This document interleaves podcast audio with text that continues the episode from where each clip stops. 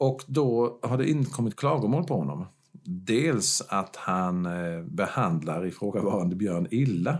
Alltså han har, när björnen då dansar och visar så där så har han behandlat den illa. Dels att han är berusad, höggradigt berusad. Och i ett första läge kan man det måste ju ha sett väldigt roligt ut på ett sätt. En dansande björn och en full gubbe från Växjö som uppträdde i Sundsvall. Det känns som en ganska farlig kombination, alkohol och björnar. Ja, just det. Ja, ja och så en gubbe från norr i Växjö. Ja. Det är inte så roligt i hela.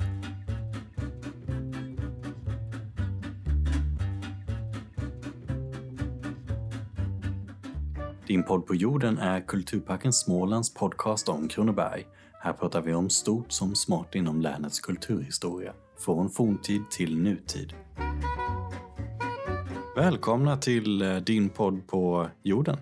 Jag heter Kim Bovander Lindstedt och med mig i studion så har jag Håkan Nordmark, historiker på Kulturparken Småland. Det stämmer. Välkommen hit Håkan. Tack så mycket. Dagens avsnitt. Eh, en del hävdar att det var bättre förr, men vi tänker undersöka om det var roligare förr. Vi kommer ha fokus på underhållning från mitten av 1800-talet fram till början i alla fall av 1900-talet ungefär. Ja, en utgångspunkt, lite fokus på Växjö också för alla artister vi ska tala om är har varit verksamma i Växjö men ett par av dem är faktiskt också födda i Växjö. Och några som vi kommer röra oss om, några profiler, det är Kalle Kruse, det är Lille Gustav och eh, Kristina Nilsson och några fler personer. Mm. Innan vi kommer igång här så vill jag bara börja med att nämna redan nu att en del av citaten som vi kan komma att använda här i avsnittet kan verka lite främmande och väcka lite anstöt. Vi hade normalt inte mm. uttryckt oss på det sättet som dåtidens journalister gjorde när Nej. de skulle skriva recensioner. Ja, en hel del är ju hämtat från tidningar och det finns en stor poäng att faktiskt ta upp det där hur ogenomtänkt, oreflekterat. Man faktiskt bara skrev saker som idag överhuvudtaget inte skulle kunna tryckas. Mm. Eh, faktiskt. Mm. Och, och det, det, finns en poäng i det. Om man jobbar med historia och försöker förstå ett äldre samhälle så får man också försöka förstå hur och varför de uttryckte sig på ett visst sätt. Så är det ju. Och det, vi ska ju 100 år, 150 år bakåt i tiden. Ja, mer, mer än det till ja, och med. Mm. Så det gäller ju att förstå den tiden ja. och den platsen mm. som var då. Men med det sagt, låt oss ställa den första frågan. Kanske den svåraste. Var det roligare förr? Det var roligt förr i varje fall och det var annorlunda roligt. Sånt som vi kanske inte skulle skratta idag, i varje fall inte alla. En del av det vi kommer att prata om, jag tror jag hade skrattat om jag sett en del av de här föreställningarna eller artisterna, det tror jag. Men eh, jag kanske har en ålderdomlig smak när det gäller humor, det vet man inte. Men att eh, man har skrattat eh, för, det vet vi. Och det är ju, brukar man ibland göra som, tala om ett som av de mest utmärkande dragen för människan. Att vi kan skratta åt oss själva, åt situationer och vi kan hitta på situationer och tänka på dem att det är roligt. Så eh, det finns någon som istället för att vi skulle vara Homo sapiens då, med den tänkande människan, att vi ska vara Homo ludens, den lekande människan. Mm. Den som kan skoja, skratta, leka. Att det, det utmärker oss mer än andra djur på vår jord. Sen kan man se uttrar leka och så, men de kan liksom inte tänka ut roliga situationer och hitta på nya vitsar om mm. Bellman och sånt där. Det blir inga Bellman-vitsar idag, så ni behöver inte stänga av än. Jag kan lova att det inte blir det. Nej, det blir lite annorlunda idag. Ja. ja. Vad ska vi börja då, tycker du? Jag tycker vi börjar på norr i Växjö. Eller kanske börjar vi på Stortorget i Växjö. En marknadsdag, mm. 1850, i eh, naturligtvis den stora marknaden på året som är i februari, Sigfridsmässan. Och till den kom det ju handelsmän, men till den kom det också då underhållning. Eh, resande teatersällskap var inte allt för sällan att de var på besök. Eh, de höll ju mer till på teatern, men vi ska hålla oss till den lägre underhållningen, för det passar oss båda tror jag. Hellre än de mer avancerade, stora Shakespeare-pjäserna. Nej, ja. de kunde vara rätt så taffliga teatersällskapen också, men en enklare underhållning, alltså mer varieté, eh, menagerier, man åkte runt och visade saker eller berättade saker och sånt här. Och om vi då är 1850 i Växjö så kommer ett som av Kunglig Majestät har fått tillstånd att åka runt i landet och visa upp lite saker. Och det finns då en annons i eh, nya Växjöbladet som berättar om det här. Vad är det man får se? Ja, man kan få se exempelvis en livslevande leopard det är du. Det är jag. Mm. Det är inte så illa. Man kan få se ett afrikanskt piggsvin. Mm. Vilket försvarar sig mot de vildaste rovdjur med sina taggar. Eh, man kan få se en pelikan som beskrivs på ett fantastiskt sätt. Bland annat så berättas den att den under näbben har en stor kräva som kan spännas ut så den ser ut som en nattmössa. I denna kräva fraktar den vatten och fiskar till sina barn. Det var väldigt pedagogiskt. Mycket pedagogiskt. Ett par äh, kakador, kakaduor antar jag att detta ska vara, papegoja, en samling marsvin, äh, allt, allt, allt möjligt. Ett vildsvin som är mycket vackert, står det i annonsen. Jag vet inte om man har visat fula vildsvin tidigare, men nu säger man att det är ett vackert vildsvin. Och det säger ju oss någonting vid 1850. Idag skulle människor bara svära om de såg ett vildsvin som mm. skada som de gör i naturen. Men 1850 så är det här något fantastiskt. Vi hade ju inga vilda vildsvin i Sverige då. De var utrotade sen ja, sent 1400-tal någon gång. Tog man väl död på det sista originalvildsvinet. Mm. De vi har nu är ju ut, jag ska inte säga utsläppta, de har rymt ifrån hägn. Och så har vi ju en väldigt kraftig stam nu, men det var någonting att visa upp. Eh, och lite andra underliga saker. Och det här är då ett sällskap från Stockholm eh, som jag nämnde har Kunglig Majestäts tillstånd för man måste för, vistas på vägarna. De åkte då mellan eh, marknadsplatser hit och dit, men just detta sällskap var i Växjö i februari 1850. Han som eh, drev detta sällskap var av um, italienskt ursprung skulle jag säga, gissa, för jag vet inte riktigt, men han hette Bernabo och detta sällskap var rätt så känt. De, åkte runt. de har även en björn med sig för övrigt som dansar och man behöver inte vara rädd för björnen är rätt tam, man kan få brottas med den om man vill. Ja men det var väl oerhört hyggligt. Ja, just det. Och det spännande då är då att alla de här djuren visas på andra våningen i ett av borgarhusen i stan och man behöver inte vara rädd att ta dit barn eller fruntimmer därför att alla djuren är dels tama, dels förvaras de i järnburar. Och till en början låter ju det här jättebra. Jaha, man har på andra våningen burit upp en leopard, ett piggsvin, ett vildsvin, kakadu och allt möjligt och så järnstänger eller järnstänger, järnburar. Mm. Och eh, idag skulle det ju inte vara försvarbart. Alltså det känns att som att det är en nej. annan djurhantering. Det är en helt annan djurhantering. Och så upp och ner för trappor i enkla borgarhus i Växjö och så visas de då på andra våningen mot betalning. Och en del tar man ut och visar ut mot torget också naturligtvis för att locka in marknadsbesökare. Och då som nu är februari den kallaste månaden på året. Det var ju därför man hade marknaden på hösten för då bar ju vägarna. Eh, alltså det var tillfruset så man kunde ta sig lätt till marknaden. Så många marknader är ju på vinterhalvåret. Den här björnen som visas, det är en norsk björn. Och jag har funderat länge på, går den inte i det? Kan, kan, man, ja. hålla, kan man hålla den? Vi får nästan kalla in en, en zoolog här mm. som expertvittne snart. Därför att som jag vet så går björnar i det och det bör norska björnar också göra. Men jag vet inte om man genom mat och värme kan få dem. Jag tror de kanske gick på ljuset eller så. Men... Man håller dem vaken ett tag ja, till. Det, det känns inte snällt. Nej. Om den normalt sett vill gå i det. Ja. Men vi vet ju inte hur länge han levde, björnen, om det nu är en han mm. förstås. Mm. Men, men ganska spännande. Och det är klart, det här måste ju väckt jättestor uppmärksamhet. Man hade ju sett vilda djur i skogen, men inte piggsvin och inte kakador. Och inte en pelikan och inte en leopard. Nej, men det var exotiska djur på det sättet. Ingenting som vanligtvis sprang runt i Nej, verkligen inte. Och som det så, en samling marsvin, ja det skulle man nästan sky idag. Jag tycker inte om marsvin. Men det är ju jag förstås. Men jag skulle inte betala för att se marsvin, så kan jag säga. Nej, det är frågan om någon hade gjort det nu för tiden. Men då kanske det var stor underhållning. Ja, kanske. Ja. kanske. Jag är nog mest intresserad av piggsvinet, tror när de bär upp det för trappan till övervåningen, hur, hur det gick till. Men... Eller det vackra vildsvinet. Det vackra vildsvinet. och hur vilt vildsvinet är förstås. Men det som hände här då var att just med det här sällskapet Bernabo. Så var det en man som åkte med dem. Kanske var det 1850, vi vet inte. Och han skulle sen bli en känd underhållare och åka runt i Sverige. Och vi känner honom som Kalle Kruse. Men egentligen heter han Karl Magnus Magnusson. Eh, han eh, gick i militärtjänst, jag tror han var någon hästgardist av något slag. Och då hette han militärnamnet Lust.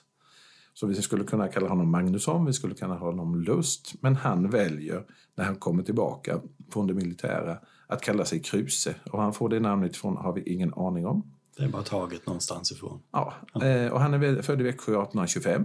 Och eh, det här sällskapet är då i Växjö 1850 och det kan vara då han åker iväg. För så småningom så lär han sig att spela tamburin. För uppenbarligen har det här då sällskapet också haft musik när de visar djuren dramatiskt. Och han blir en av de bästa enligt egen utsago på att spela på tamboringen som man ibland kallar den, eller tamburinen. Och han har ett eh, rätt så exotiskt utseende. Det finns faktiskt ett bevarat foto eh, på honom, Kalle Kruse. Ja, just det.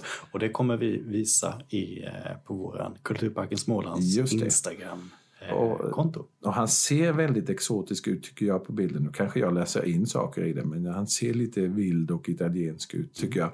Inte alls som han är född i Växjö 1825. Men jag tror, det vet jag inte, jag tror att han var född på norr. Jag vet att eh, han eh, bodde på norr i Växjö och det var inte den bästa stadsdelen. Det kan jag själv intyga för min farfars far var född där. Han hade det fina tillnamnet svärjare-Pelle, men det är en annan historia så den tar vi en annan gång.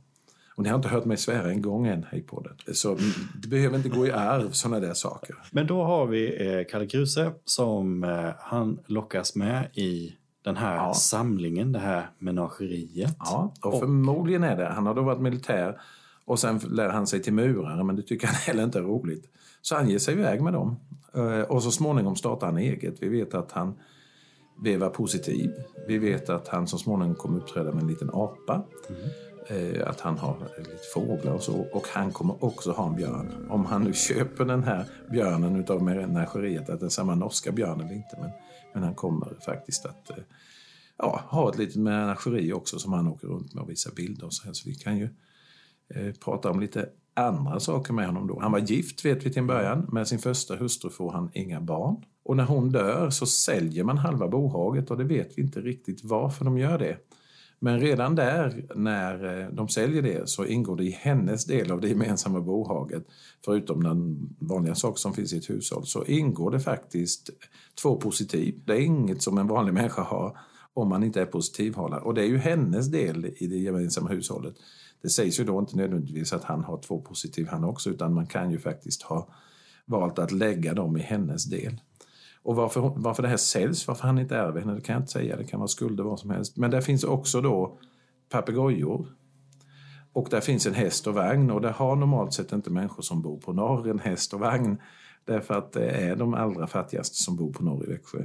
Och att Kalle Kruse och hans hustru har det då, det är ju att han eller de har åkt runt på marknaden och spelat. Så det blev ett turnerande sällskap, Kalle Kruse? Han tog sig ja, ut på turnéer? Från början var det nog kanske bara han och hustrun. Sen dör hustrun och får en ny hustru. Och eh, de får ett antal barn faktiskt. Med lite fantasifulla namn, en del av dem. Aristarkos och så, och Rosalia och sånt. Men det är lite spännande att se då att eh, de är bosatta, bofasta i Växjö. Sen måste de också då söka Eh, vissa tillstånd för att åka runt och uppträda. Och då ser man att barnen är född på, födda på olika orter men Kalle Kruse och hans hustru har aldrig varit skrivna där. Men barnen är födda i Kristianstad, Halmstad, eh, Umeå eh, och just det barnet som föds i Umeå, det är lite tragiskt. Då ser man senare att det har dött tre, fyra månader senare i Sundsvall, det barnet. Så det ger ju en liten annan, alltså från början kanske man får en liten eh, romantisk bild ut på vägarna och spela och sjunga. Men när man tänker, ja det är en gravid hustru, Kalle Kruse en tamburin, en papegoja och en björn. Då blir det kanske inte lika roligt när sen man får höra att barnet dör. Nu är det ju hög barnadödlighet. Ja, det är ju en sån också en del det, det är ju den, den tiden, tiden faktiskt. Ja. Så kanske de barnen inte hade, men det var ett kring, kringflackande liv i varje fall kan ja. man ju säga. Så finns ju de som har sagt att Eh, bara man har en fast punkt gör det sig ingenting om den punkten rör sig. Och det kanske var en fast punkt, Kalle Kruse, hans hustru och mm. syskonen, det, det, vågar jag inte säga. Men det är inte ett helt vanligt liv i varje fall som Kalle Kruse, hans hustru äger. Och när vi hittar dem i, i de här um, husförhörslängderna där man kan hitta människor eh, om man är släktforskare, då står ju Kalle Kruse som det fantastiska före detta mureriarbetaren och björnföraren Karl Kruse.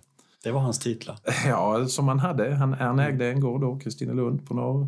Så eh, helt utfattig var han ju inte. Men björnförare, och det är ju inte att han kör björnen utan att han liksom förevisar den. Ungefär som är att man affärer för en produkt, jag för en vara och hans, det han säljer är ju visning av en björn. Så det är inte förare så som en rallyförare, han kör inte björnen utan han visar upp den.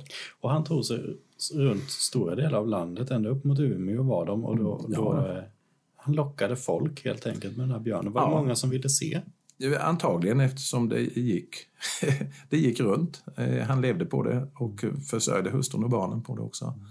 De var i Norge, eh, förmodligen har de varit ner i Danmark, något sånt också.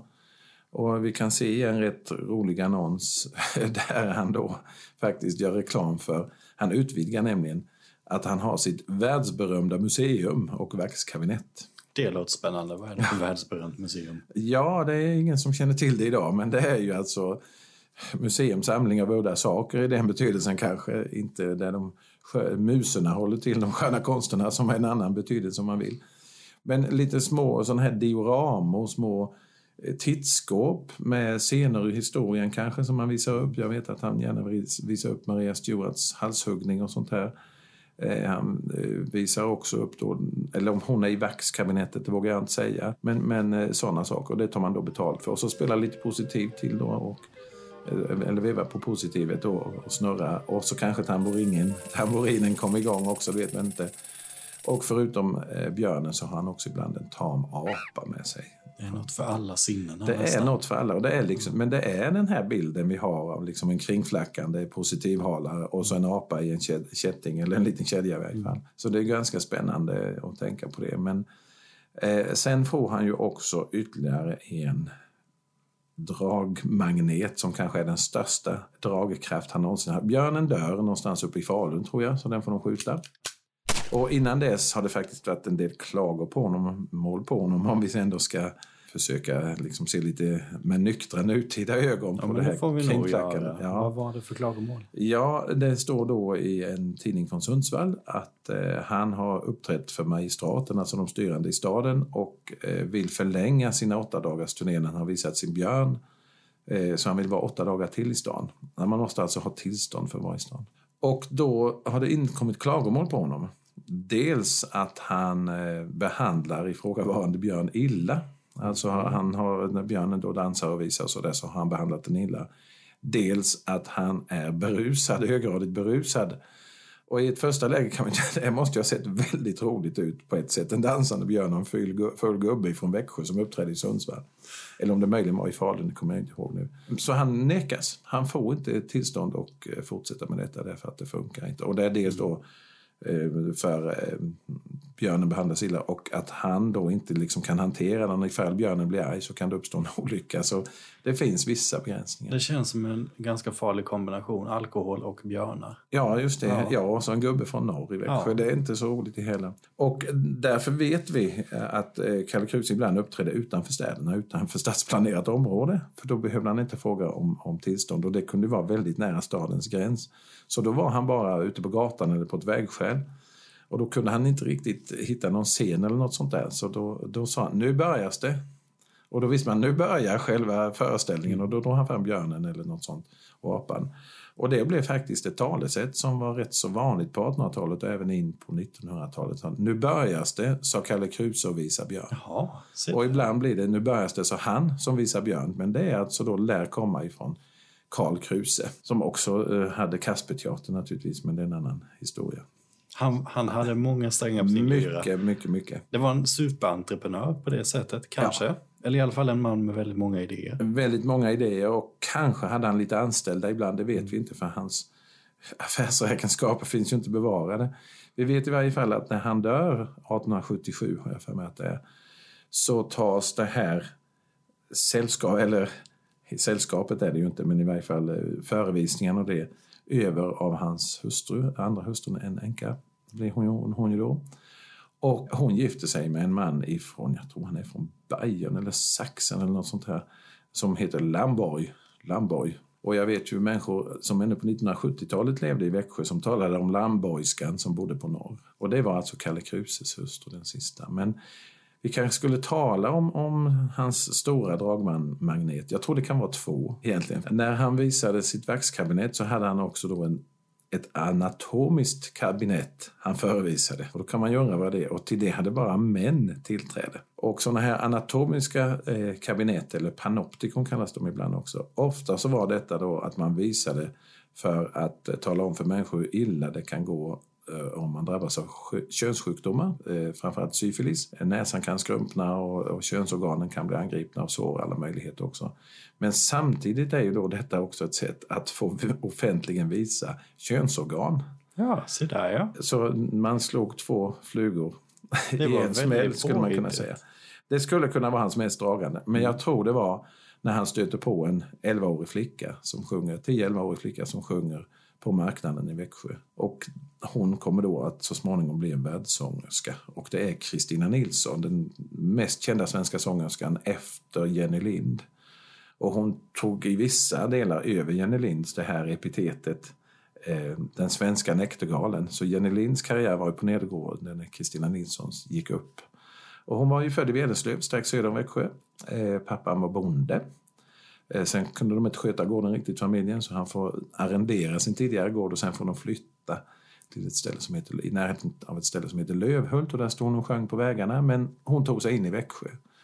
Och de som hörde henne redan som tioåring sa att detta var något fantastiskt. Och här ser då Kalle Kruse Förmodligen var björnen skjuten och begravd någonstans uppåt landet. Så här har jag en, något nytt. Och eh, i många, många texter så står det att eh, Kalle Kruse är Kristina Nilssons eh, första impresario. Det är han som liksom lägger upp turnén och allting. Och när hon sen då har blivit upptäckt, hon upptäcks flera gånger, men i Ljungby brukar man säga att det är och hon sätts i utbildning rätt så sent för att vara sångerska. Sen gör hon debut i, i Paris och hon spelar Margareta i Faust och allt möjligt. Och är, är verkligen världsberömd. Hon är på en turné i USA. Och då är det någon som frågar, ja din första impresario Kalle Kruse så, ja, jag har hört det där. Han var aldrig min impresario. Vi var två jämbördiga artister som var ute och reste mm. på vägarna. Eh, och vi delade på pengarna och han insåg väl att jag drog in. Men, men jag har inte haft honom som impresario. Men ändå kan man fortfarande läsa det.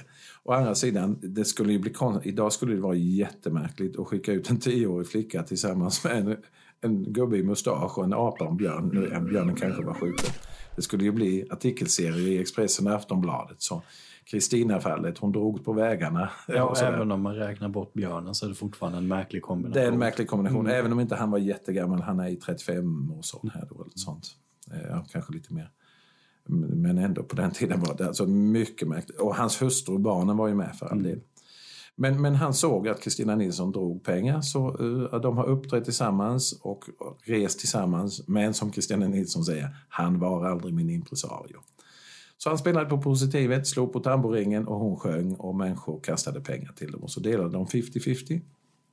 Ungefär så kan vi tänka att det gick till och detta är ju innan hon, hon upptäckts då.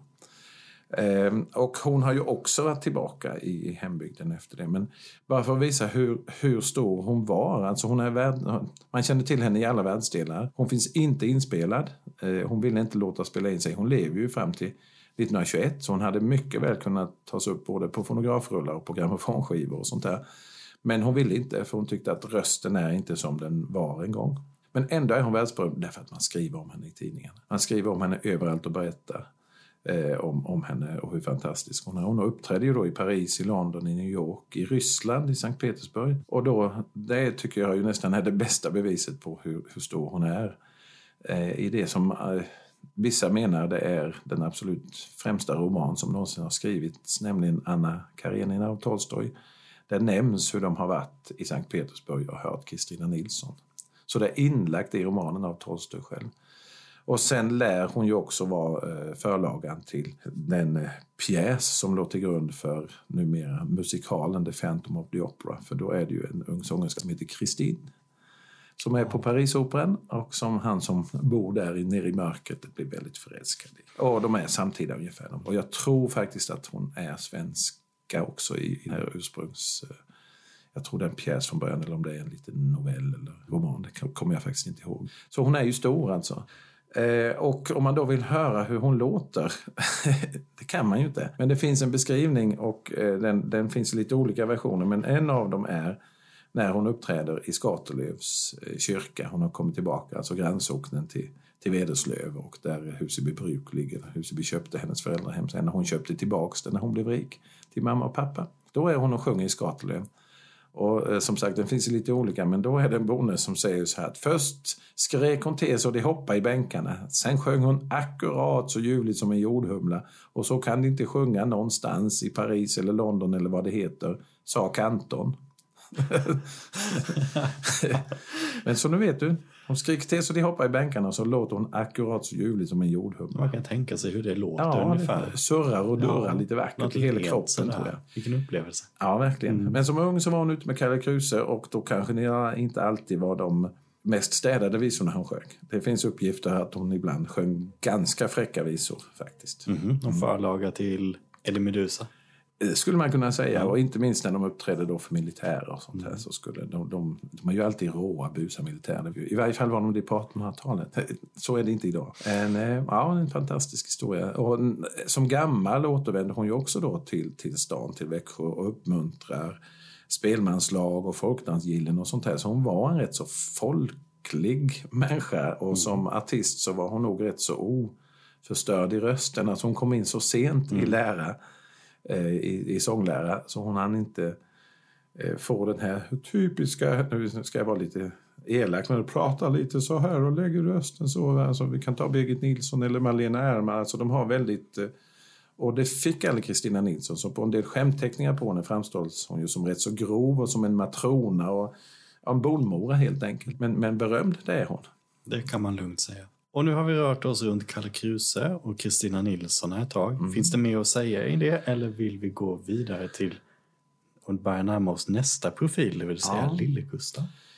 Ja, det är naturligtvis vi skulle kunna tala länge om Kalle Kruse, men jag tror inte vi ska göra det. Utan jag tror kanske att vi pratar om, om lille Gustav och hur det här nöjeslivet, om vi då håller oss i vår mm. utgångspunkt Växjö idag, eh, hur man det finns ju en teater, den fanns redan när Bernabos eh, Eh, Eh, menageri var visade upp sig, men de kunde inte vara på teatern.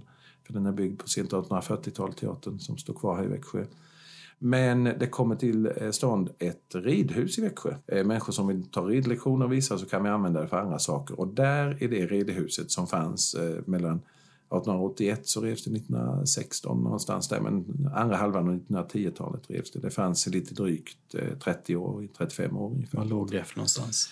Ja, för de som bor i Växjö idag, det låg eh, där huvudingången, den enda ingången man kan köra in med bil till Tegnérkyrkogården idag. Alltså mm. i förlängningen av Norra Värld, Järnvägsgatan västerut mm. så låg den direkt ner mot järnvägen i direkt anslutning till vägen. Där byggdes senare lite godsmagasin och nu, inte på riktigt samma plats men nästan, så ligger den tillfälliga stationen eh, som man har gjort av några baracker där. Så i, i det här. Och då låg det i utkanten av stan, ridhuset byggdes. Och det var ett aktiebolag Eh, Eh, som bildades för att få till stånd att man fick ett ridhus. Växjö eh, stad är rätt så stor aktieägare men även privatpersoner.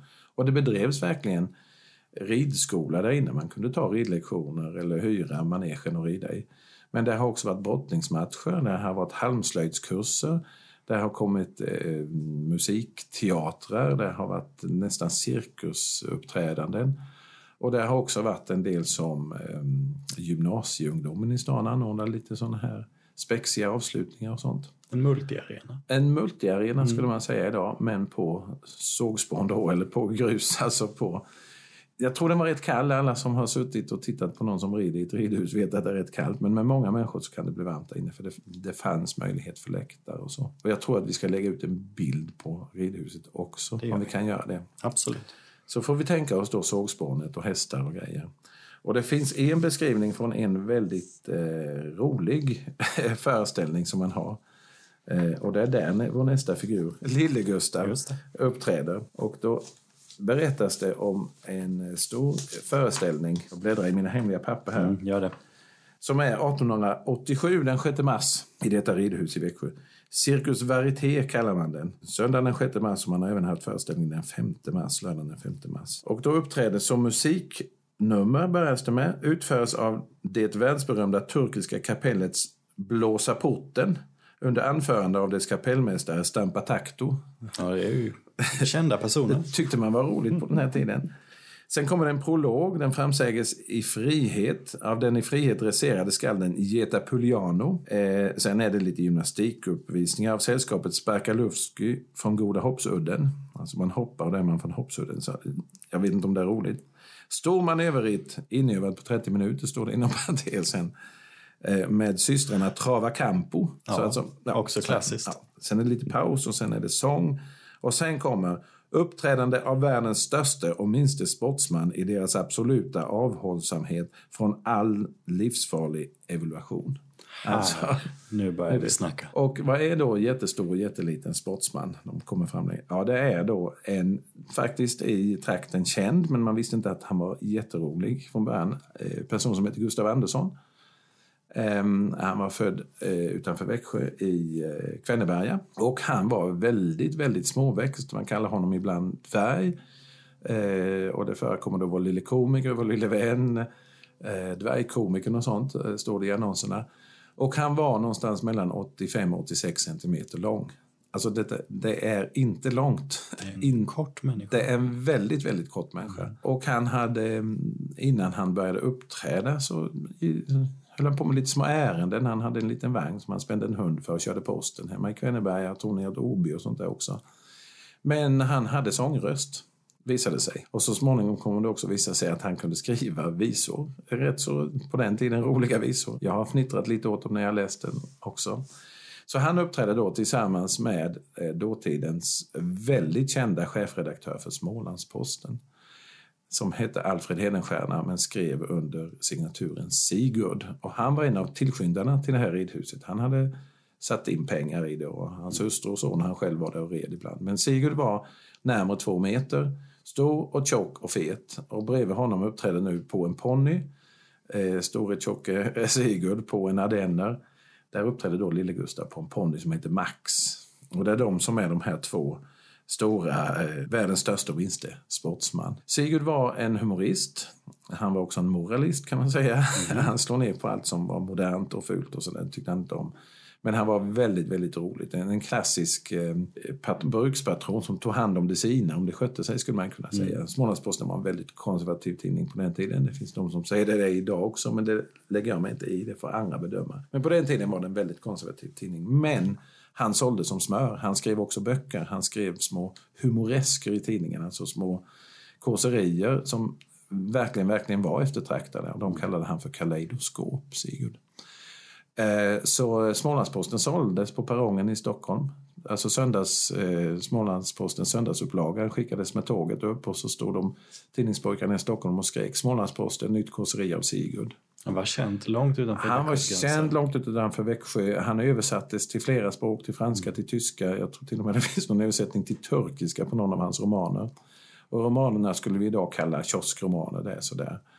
Ung flicka, ung man, får de varandra eller inte? Eller hitta, kan man hitta kärlek på gamla dagar? Det, det är inte stor litteratur, men han sålde. Ett klassiskt tema. Han sålde enormt. Eh, massor med piratupplagor i USA. Därför svenskar hade ju flyttat till USA på den här tiden. Och då fanns det förlag som kom på att eh, ja, men vi kan ju bara sno hans böcker och sätta dem här och trycka dem i Chicago eller Minneapolis eller vad det nu var och så sälja dem utan någon ersättning till honom eller Hugo Gebers förlag där han oftast gav ut dem i, i Sverige. Men han var alltså stor, både fysiskt och sålde. Och han har då med sin humoristiska penna skrivit en dialog som han och lille Gustav uppför. Och människor skrattar sig fördärvade.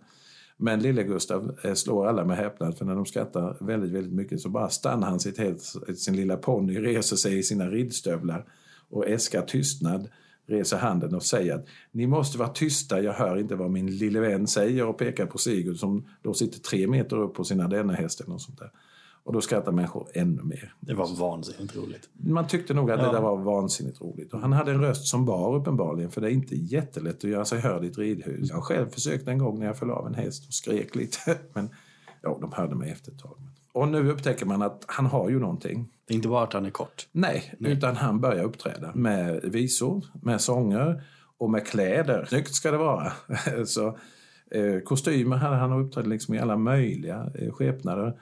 Eh, han uppträdde också som dam, damimitatör. Det var Sigurd ibland också. Han kunde raka av sig sitt skägg och uppträdde som jättekvinnan Fenja eller Menja. Eh, och Sigurd hade pipig röst, så det var rätt roligt när han gjorde det. Och eh, lille Gustav åker på turné.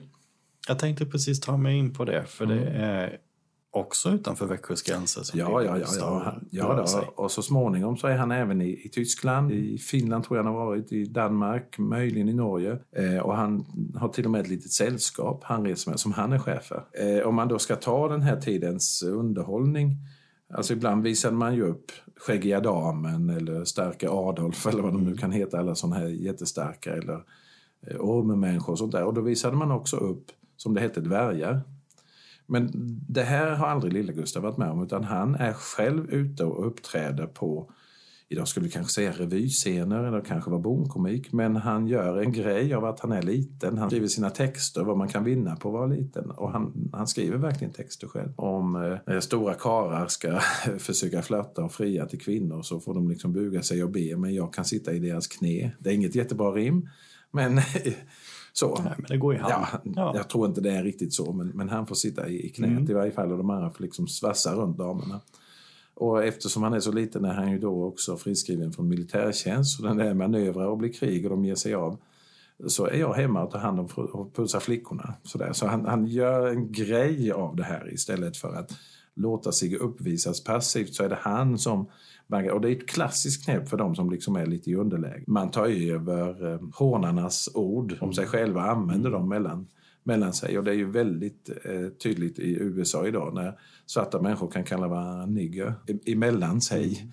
Men skulle jag åka till USA och göra det så skulle jag bli nedslagen. Därför att jag kan inte göra det. Alltså man tar, jag ska inte säga förtryckarens, men alltså skämtarens eller överhetens eh, nedsättande benämning och använder den. Och det var det lille Gustav gjorde, skulle man kunna säga. Men fanns, fanns det någon kritik alltså, mot den här sortens underhållning? Då, att, äh, att skratta åt att någon var kort eller hade, var en skäggig dam eller så? Eller, Nej. Det fanns ingen Nej, kritik? e- egentligen inte. Eh, inte som jag har sett. Det kommer så småningom, men inte när vi är på 1800-talet. Eh, alltså, det är ganska ovanligt den här som jag berättade om när, när eh, Kalle Kruse var uppåt landet, om det var i Sundsvall, att man säger att han behandlar björnen illa. Det är ganska sällan man hör talas om det. så Man kan helt oreflekterat visa det. Och, och just när det gäller underhållning så är det ju alltid bra med kontraster. Alltså vi talade om jätten Sigurd och så lille Gustav. Och även när han då inte uppträdde med, med Sigurd så uppträdde han i Stockholm med också en jätteman som kunde eh, sjunga som heter Ebbe Thoraldsen.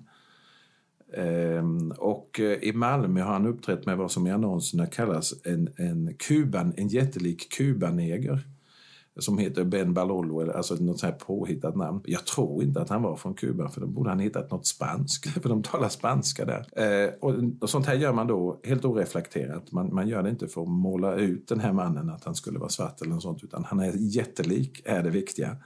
Och dessutom då svart. Men det är ju kontraster. Optimisten och pessimisten var ett stort eh, radio och sen filmpar i Sverige, hela och halvan. Fyrtornet släpvagnen, alltså en stor och en liten eh, funkar som ett humoristiskt grepp. Och får man då också in att en är ljushylt och en är mörkhyad så blir det ännu roligare av någon anledning. Och det allra roligaste är ju när någon, någon, eh, man missuppfattar språket och då är det jättebra att lägga in någon som inte har om det är en svensk film så lägger man in någon som inte är svenskspråkig. Är det en amerikansk film så är det jätteroligt att skoja med latinos eller med de som kommer från Kina eller något sånt här. Därför att det blir förvecklingar när man missuppfattar vad någon säger.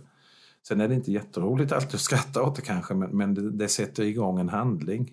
Och man gör det rätt så oreflekterat och man kan säga att det är förnedrande och så, men, men det förekommer. Lille Gustav här nu då, eh, han, han blir upptäckt och han tar sig runt i landet och får visa upp sig. Kommer han tillbaka till Växjö någon mer gång sen? Ja då, han uppträdde uppträder här eh, flera gånger och han återvänder till Växjö. Jag vet inte hur lång hans karriär är, alltså den är inte jättelång. Man säger att han håller på i 10-15 år kanske. Och han är ju Eh, på Stockholms varietéscener till exempel, där han uppträdde med den här Ebbe Thoraldsen på ett, något som heter Novilla-teatern. Låg ute på Djurgården och där får de lovord, de två, han den stora och den lille. Eh, det är DN som skriver det till och med på nyårsafton. De recenserar den senaste säsongen som har varit. Och och Novilla Teatern den är ju samtidigt som Berns och Sveasalen och allt vad de hette i Stockholm. Alltså inte de, det är inte Dramaten, den finns ju inte byggnaden då, men det är alltså inte Operan direkt. Det är i brist på bättre, den lägre underhållningen. Den som är rolig. Lite alltså, mer den, tillgänglig den som är lite rolig. Ja, Ja. Tillgänglig kan vi säga, det var ett bra ord, men du vet vad jag menar. Ja. Så um, jo, han, han återvänder och han lever ju eh, tills han är drygt 60 år tror jag. Ehm, och klarar sig rätt så bra. Men, men eh, vi har ju rätt så fina bilder på honom i vårt eh, arkiv här på museet. Och man ser ju att han har snygga scendräkter. Vi har också eh, i, samlingarna hans lilla poliskask, en pickelhuva som han haft när han uppträtt. Han tjänade ju pengar på att vara rolig, på att skriva visorna, men också på att han var liten. Så han sålde idolbilder på sig själv. Det var inte någon annan som sålde dem, det var han som sålde dem. Han gjorde det själv. Och när han då tröttnade eh, på att skriva autografer så kom han på det bättre att ha en stämpel. Så den stämpeln finns ju då också bevarad. Så står det Lille Gustav, pang stämpeln, 86 centimeter. Eller om han nu var 85. Det har jag glömt, men jag tror det var 86 han var. Sen krymper man ju lite med åren, det gör alla med. Ja, så eh, han kanske blev ännu mindre. Har vi den stämpeln på museet? Eh, jag undrar om vi inte har den rent utav, ja. Jag har inte varit och rotat sistone i... i... Och den som kan mest om Lille Gustav har skrivit det är ju vår kollega här på museet, Per-Olof Andersson, som också har skrivit en fantastisk bok om Alfred Hedenstierna Sigurd. Både om honom som journalist, författare och humor, humorförfattare. Så eh, Eh, väldigt underhållande bok och många roliga bilder på Sigurd i den som heter ett hjärtas saga. Sigurd, ett hjärtas saga heter den. För han har skrivit texten till den här lite sentimentala eh, visan Ett hjärtat saga. Ett hjärtas saga. Vår skog har nog sin källa. Var äng sin blomma har, vart hjärta har sin saga från flydda ungdomsdag. Så där, ja. Eh, så, alltså spännande figurer som man inte hör så jättemycket om. Lille Gustav är ganska okänd idag. Kalle Kruse är lite halvkänd sådär. Sigurd några som vet om det. Men, men på sin tid var ju Sigurd jättestor. Alltså i, i Strix, den främsta humortidningen i Sverige, bredvid eh, den andra som jag just nu har glömt. Den heter ju någonting som jag snart kommer på. Eh, men Strix var Albert Engströms tidning i varje fall. Eh, och han har ju massor med skämtteckningar, på, eller massor, flera skämtteckningar på Sigurd. Bland annat i ett av alla ABC-lärorna man gör så är D, bokstaven D, en bild på en jättestor voluminös Sigurd och så en massa magra författare bakom honom och så står det diktare blir sällan feta om det icke Sigurd heter. Det vill säga han säljer romaner som säljs, han skriver romaner som säljs, då kan han äta sig mätt också. Men man skojar med hans storlek och hur, hur tjock och stor han är. Söndagsnisse heter ju den andra tidningen. Vi ska inte gå in på det. Stockholmsunderhållning struntar vi i. ja, vi eh, men, men att alltså, han är känd och det finns ju ett annat då, någon recensent som skriver om eh, någon av hans böcker att Växjö är den i eh, svensk litteratur så illa beryktade stad där Tegnér blev galen och Sigurd lade på hullet. Så man skojade med att han var tjock och stor och det skulle man ju heller inte komma undan med idag som recensent och skriva den där feta människan som har skrivit en bok. Alltså man kan inte göra det, men man gjorde det utan att reflektera. Eh, Hjalmar Söderberg recenserar också Sigurd en gång, men han går ju inte an på, in på personangrepp direkt utan att eh, Sigurds senaste bok, Herrskapet Hälleviks brunnsresa, har mycket med eh, god smak att göra. För ju mer man har, desto mindre tycker man om boken. Det är inte snällt det heller, men det, det, går ju inte in på hans person i varje fall att säga att han är en stor, tjock, bullrig, mm. pipig figur. Utan att, nej, det där var väl inte så högkvalitativt kanske. Men han recenserades av en som Hjalmar Söderberg, bara det. Ja, det, det kan räcka för det, de det, flesta. Ja, det kan räcka. Ja. Jag hade blivit jätteglad, men ja. det hade ju inte gått, för han dog ju när jag föddes. Om, om vi ser till de här personerna nu, vi har pratat om, om Kalle Kruse, mm. eh, Kristina Nilsson, Lille-Gustav mm. och... Eh, Sigurd får man ju... Alltså- Sigurd. Alltså, Eh, Eh, kan vi prata, alltså finns det något arv från de här personerna som återspeglas idag på något sätt? Ja, Kristina Nilsson finns ju. Det finns ju eh, ett Kristina Nilsson-sällskap. Eh, det finns Kristina Nilssons släktförening som fortfarande förvaltar gården som hon köpte tillbaka. Så där finns det, man delar ut ett Kristina Nilsson-stipendium. hon blev ju väldigt rik. Hon hade ju födgeni verkligen. Hon hade två män som höll på att ruinera henne. Men, men hon höll i pengarna, så hon har ju skänkt jättemycket till Musikaliska akademin i Stockholm eh, stipendier och grejer hit och dit. Och hon är vårt museum, Smålandsmuseums kanske största privata donator. Eh, om man undantar grundaren då, Hylten Cavallius. Skänkt massor med grejer. Hon var samlare och sånt här. Och hon samlade på kyrklig konst och på alla möjliga saker. Och en av de mest fantastiska saker som vi har i våra samlingar som knappt finns det är guld ifrån Kalifornien eh, när man har det 49ers, de guldgrävarna som kommer 48-49. Och i kisellagren hittar guld som ligger som folieskivor i, i kiseln. Och de flesta tog ju de här då och smälte ner det. Men här ligger de kvar i, i, kisel, i sitt lager, hur guldet låg när de grävde fram det i Kalifornien. Så det, ibland kommer ju geologer och tittar på de här grejerna. Hon har sparat dem då. Hon har inte låtit smälta ner det för hon behövde inte det. Och det är en sån där udda grej som, ja men vad har den med Kristina Nilsson Ja det är hon som har skänkt den och hon behövde inte smälta ner guld. De andra som hittade behövde. Och den fick hon när hon var i, i USA då. Och så från henne så finns det ju en, en del där, men inte så mycket från de andra. Vi har lite i våra samlingar om lille Gustav. Eh, Sigurd omnämns lite halvt om halvt i en del moderna litteraturhistoriska mm. verk. Men det är inte förrän på jag skulle säga 90-talet eh, man börjar nämna honom lite trots att han då var den mest eh, säljande. Och det, det är lite, jag brukar lite elakt säga, det är som att jämföra Horace Engdahls diktsamlingar med Camilla Läckberg. Alltså det är, hon säljer mer och är kanske mer känd, i varje, Hennes skrifter är mer kända än Horace Engdahls diktsamlingar.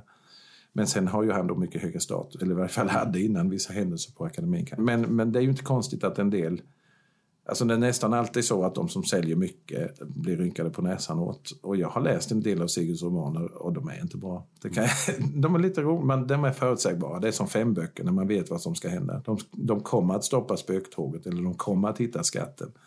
Det är lyckliga slut. Och det kan vara bra det också? Det kan, vara, kan vara bra det också. Mm. Men, men, läser man dem bara då med 1800-talets ögon så blir det ju, allt blir ju väldigt mycket roligare om man har ett sammanhang. Ja. Man, man kan ju inte bedöma dem i dagens men dagens måttstock, det går ju inte. Vi behöver närma oss slutet här. Är det någonting ja. som eh, vi ska ta upp mer eller är det dags att eh, Nej, jag avrunda? Vet inte. Jag tror För den här det. gången i alla fall. Jag tror det. det. det. finns ju en annan person, en underhållare i Växjö som inte alls var den här kalibern.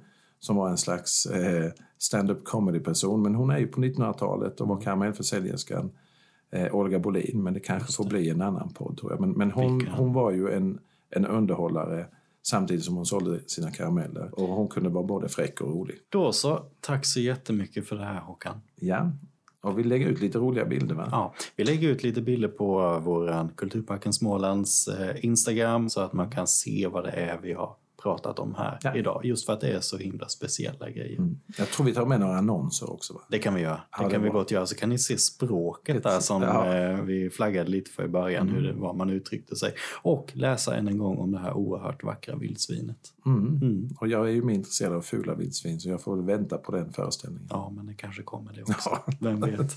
Tack för idag. Tack.